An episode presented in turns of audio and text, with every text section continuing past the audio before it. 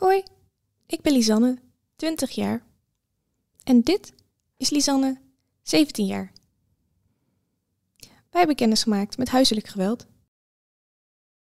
Toen het gebeurde was ik 17 en studeerde ik in mijn zomervakantie scheikunde. Want dat had ik nodig voor de universiteit.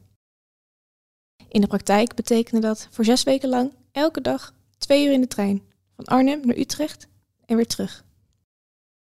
En in die trein gebeurde iets heel interessants. Ik schaamde me kapot en mensen keken weg, zeg maar letterlijk, en staarden me daarna na. Er was in die weken één vrouw in de trein die naar me toe kwam.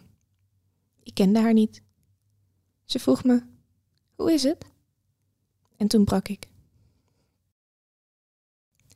Ik had me zo alleen gevoeld, zo'n alien. Ik wilde mijn lichaam verbergen.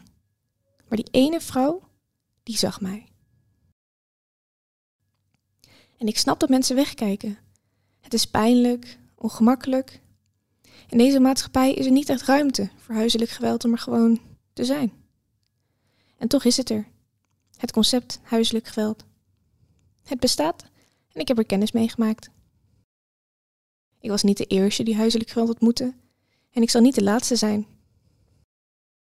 Daarom wil ik vandaag even de ruimte creëren voor huiselijk geweld, om er gewoon even te zijn. En wellicht jullie inspireren, mocht je ooit zo'n meisje zien zitten in de trein, even diep adem te halen, over het nare gevoel in je buik heen te stappen en te vragen: hey, hoe gaat het? Heel veel liefs, Lisanne.